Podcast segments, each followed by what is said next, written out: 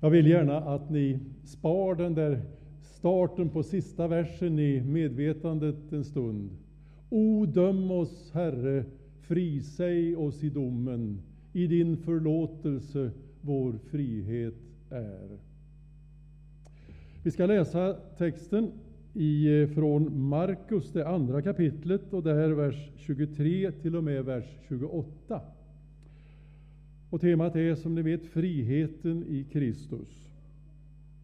En sabbat tog Jesus vägen genom sädesfälten och lärjungarna började rycka ax medan de gick. Då sa fariseerna till honom Varför gör de sådant på sabbaten som inte är tillåtet? Han svarade Har ni aldrig läst vad David gjorde när han, han och hans män blev hungriga och inte hade något att äta? Han gick in i Guds hus. Det var när Eliar var överste präst och åt upp skådebröden som inga andra än prästerna får äta och gav också åt dem som var med honom.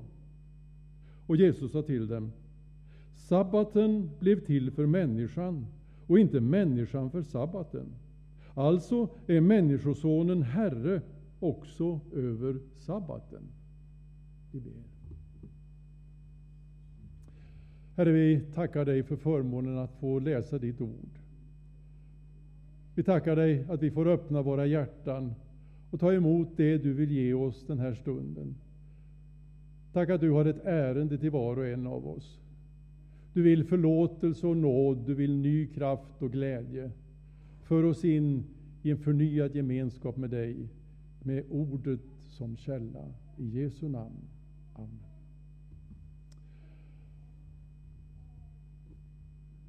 Lagiskhet är någonting som präglar stora delar av vår bibel.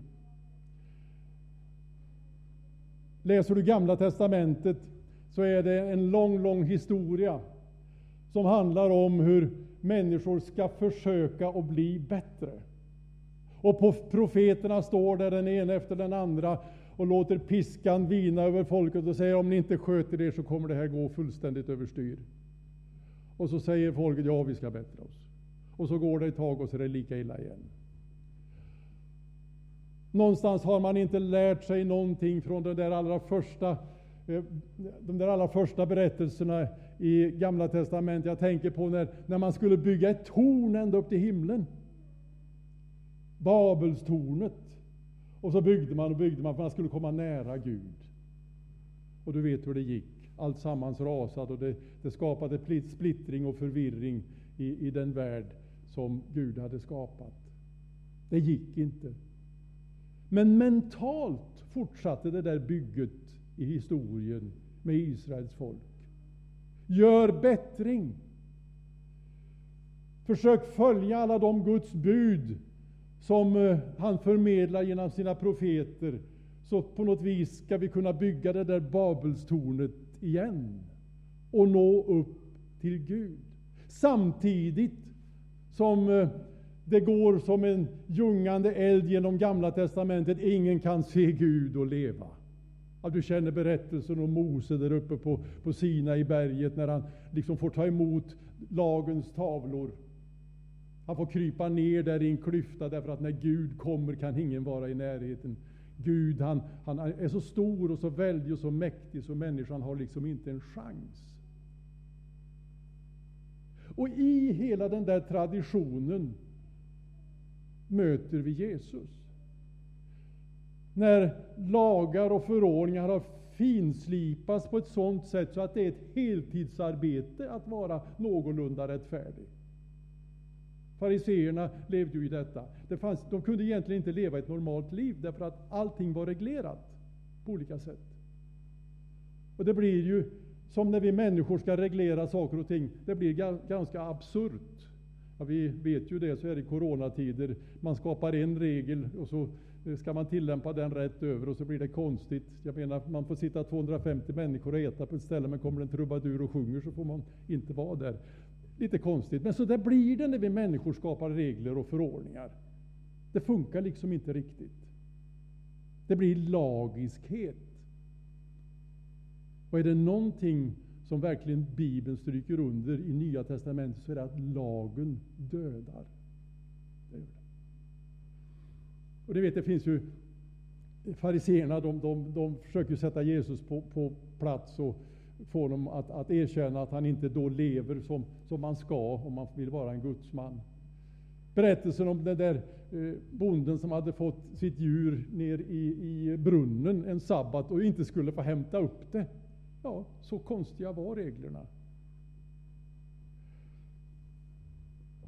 Och nu går de där genom sädesfälten och lärjungarna gör det som jag tror kändes naturligt för dem. De noppar några sädesax och tuggar på med sädeskornen. Och så finns de där, de som älskar att tala om när andra gör fel. Oh, så underbart det är att få säga, ha, nu har vi kommit på er. Du, Jesus som säger att du är Guds son, och så låter du dina lärjungar hålla på på det här viset med så ett uppenbart brott emot sabbatsbudet. Och de har ju rätt på sitt sätt. Han bryter emot lagen. Han sätter lagen ur spel. Och han gör det på ett långt allvarligare sätt än genom att låta sina lärjungar ta några ax när de går genom en åker. Låt oss återkomma till det. Annars är det ju på något vis en inneboende vilja hos oss människor att klara av livet själva. När det lilla barnet eh, greppar skeden och säger kan själv, då blir vi föräldrar stolta och tycker att det är ju fantastiskt att, att det finns en vilja i det lilla barnet, även om det skvätter åt alla håll. Det är ju liksom en bit av utvecklingen, att kunna ta för sig av livet. Att visa att man, man är någon, jag klarar mig. Och samtidigt så tror jag att du och jag, vi som sitter här, har några år livserfarenhet. Vi vet att ensam är inte stark. Ensam är egentligen det svagaste som finns. Vi behöver varandra. Inte minst i de här tiderna när ensamheten är påtvingad för många människor vet vi hur, hur svårt det kan vara. Ibland tror jag att coronasmittan kanske är, är det är kanske inte det farligaste just nu efter ett halvår, utan kanske ensamheten blir det riktigt svåra. Tänk på det. Det finns ju så många sätt att lösa den ensamheten. Lyft telefonluren, ring till den som sitter ensam. Tro inte att ensam är stark. Det är gemenskapen, även om den bara är via en telefon. Den är en räddningsplanka, den är en livlina. Vi behöver varandra och vi behöver inse att vi inte klarar livet på egen hand. Och någonstans är ju det Jesus stora uppgift när han kommer in i världen. Att få oss att förstå att vi kommer aldrig att klara det på egen hand. Babelstornet kommer att rasa om och om igen. Hur präktiga, hur duktiga, hur i andra människors ögon perfekta vi än tycks vara, så kommer vi aldrig att nå fram i egen kraft. Det är därför han kommer hit. Det är därför Gud låter det lilla barnet födas i Betlehem för 2000 år sedan. Det är därför han låter änglarna sjunga om en frälsare född åt er i Davids stad med lovsångstoner. Det behövs en förändring, en möjlighet, en räddning. Någonting som gör att vi människor på något vis ändå ska känna att vi har en chans i livet. Det finns en möjlighet för oss att leva rätt och riktigt och känna att vi hamnar i harmoni både med skaparen, skapelsen och oss själva. Och allt det han gör handlar ju om att åskådliggöra Guds kärlek. Han, det här som har med, med lagar och förordningar, det hindrar ju så mycket. Den som var spetälsk, vet du, den, den ansågs ju vara straffad därför att mamma eller pappa eller mormor eller morfar farfar eller farmor eller någon bort i släkten hade gjort något tokigt. Och så fick man en sjukdom. Vad gör mästaren? Han stannar, han helar, han gör allting annorlunda. Det lilla barnet som inte ansågs värt någonting förrän det var 12 år gammalt och en pojke. Han stannar, tar dem i sin famn och säger om ni inte blir som de här barnen så kommer ni aldrig in i Guds rike. Vad handlar det om? Det handlar om förmågan att våga förlita sig på någon annan. Det är ju det som är barnets stora gåva. Att den inser att jag klarar mig inte själv, jag måste ha pappa, mamma, tryggheten, någon att sätta min lilla näve i som gör att jag känner att, att livet fungerar. Någonstans sträcker Gud i Jesus ner handen till oss människor. Den där fadershanden som vi kanske lämnade för många, många år sedan. Jag hade turen och tryggheten i livet att ha en pappa som, som, som var så där trygg. Inte bara därför att han var predikant, för det kanske var det mer otrygga i sammanhanget. Det betydde att han, det var, det var ett, ett speciellt liv på många sätt. Men det tog många år innan jag förstod att han inte klarade allting. Och då var jag faktiskt så pass gammal så då begrep jag att det fanns en annan far som kunde ta över den där tryggheten. Och det är stort att få leva och utvecklas och växa under sådana omständigheter. En bottentrygghet som på något vis har funnits med mig hela livet. För jag vet var den store Fadern finns och att han alltid finns där. Det är inte de goda gärningarna. Det är inte det perfekta livet. Det är inte allt det där utanverket som gör oss till Guds barn. Det är Jesus Kristus som ger oss den möjligheten. Han för in Guds kärlek i tillvaron, ger oss massor av exempel. Jag hoppas att du är en bibelläsare så att du har lärt känna de där berättelserna, alltså du har dem i din ryggrad nästan och kan liksom ta till dem när livet krånglar till sig och förstå att Guds kärlek finns i allt det svåra. Kanske alldeles särskilt där, när jag är liten, när jag är svag, när jag gör fel i andra människors ögon. Så kan han bryta emot sabbatsbudet och känna att det har spelat ut sin roll. Sabbatsbudet har ingen relevans i den nya tid som bryter in när Gud sänder Jesus Kristus i världen. Nu är det andra regler som gäller. Och någonstans manifesteras ju det här slutgiltigt i eh, Jesu dödskamp på Golgata och det som händer i templet. Det blev en jordbävning, du kommer ihåg det här. Och följden var att förhänget i templet in till det allra heligaste rämnade ifrån, ända uppifrån och ända ner. Kristus på korset vunnen, seger för var och en. Han ut i sig förenat människa och Gud igen. Brusten är templets förlåt. Vägen är öppen, fri, öppen till nådastolen för dig och mig. Den gamla sången, några av er kanske känner igen den.